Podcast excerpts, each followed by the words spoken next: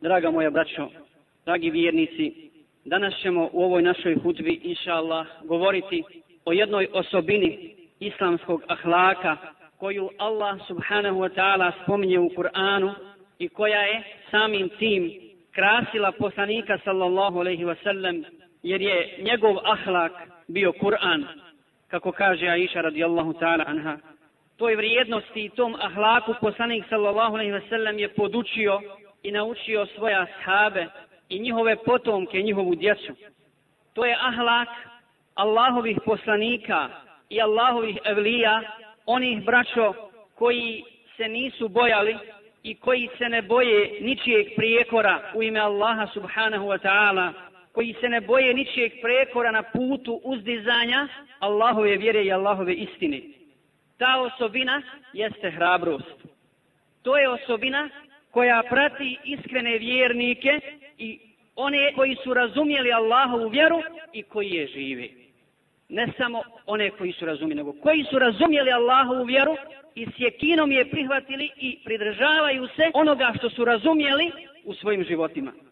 A kada je ta osobina prisutna, braćo, kod muslimana, onda svakako uz nju ide i ponos i dostojanstven život i ljubav prema dobru, mržnja prema zlu i spremnost da se kaže istina u svakoj situaciji, da se bori za tu istinu ma u kakvoj situaciji čovjek bio i da se žrtvuje za nju. Allah subhanahu wa ta'ala spominjući ovu osobinu spominje je uz iskrene vjernike. Pa u suri Al-Maide u 54. ajetu kaže A'udhu billahi mine šeitanir rajim Ja ejuhal ladina amanu, ovi koji vjerujete, men jertadda minkum an dini, ko od vas otpadne od svoje vjere, ko napusti svoju vjeru, ko napusti islam, فَسَوْفَ saufa اللَّهُ بِقَوْمٍ. Znajte da će Allah doći s drugim ljudima, s drugim narodom koji će vas naslijediti. Kakve su njihove osobine? Yuhibbuhum wa yuhibbune.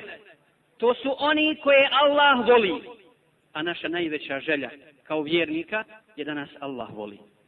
Koje Allah voli i koji vole Allaha, jedna od njihovih osobina. Zatim, ezilletin alel mu'minin, oni su ponizni prema vjernicima. Izzetin alel kafirin, ali su ponosni prema nevjernicima. Juđahidune fi sebirillah, to su oni koji se bore i koji će se boriti do svoje smrti na Allahovom putu i voditi džihada Allahova riječ bude gornja, a nevjernička riječ da bude donja. وَلَا يَحَافُونَ hafune laumete. I neće se bojati ničijeg prekora na tom putu. To su četiri osobine istinskih, iskrenih vjernika. Allah subhanahu wa ta'ala nakon toga kaže Zalike fadlullahi yu'tihi me ješa. To je blagodat.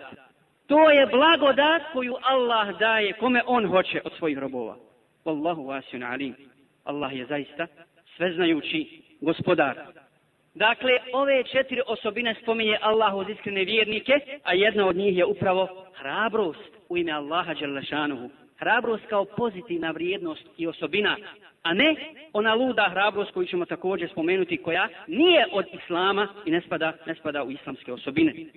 Zatim poslanik sallallahu alejhi ve sellem braćo spominje u svojim hadisima ovu osobinu i spominje ono što je suprotno njoj, a to je kukavičluk. I čak upući Allahu dovu da ga sačuva kukavičluka. Allahumma inni a'udhu bika min al-jubni wal-bukhl. Kaže poslanik sallallahu alejhi ve u svojoj dovi koju bi mi trebali da učimo praktikujući sunnet poslanika sallallahu alejhi ve sellem. Gospodaru moj, sačuvaj me. Utječem ti se od čega? Od kukavičluka i škrtosti.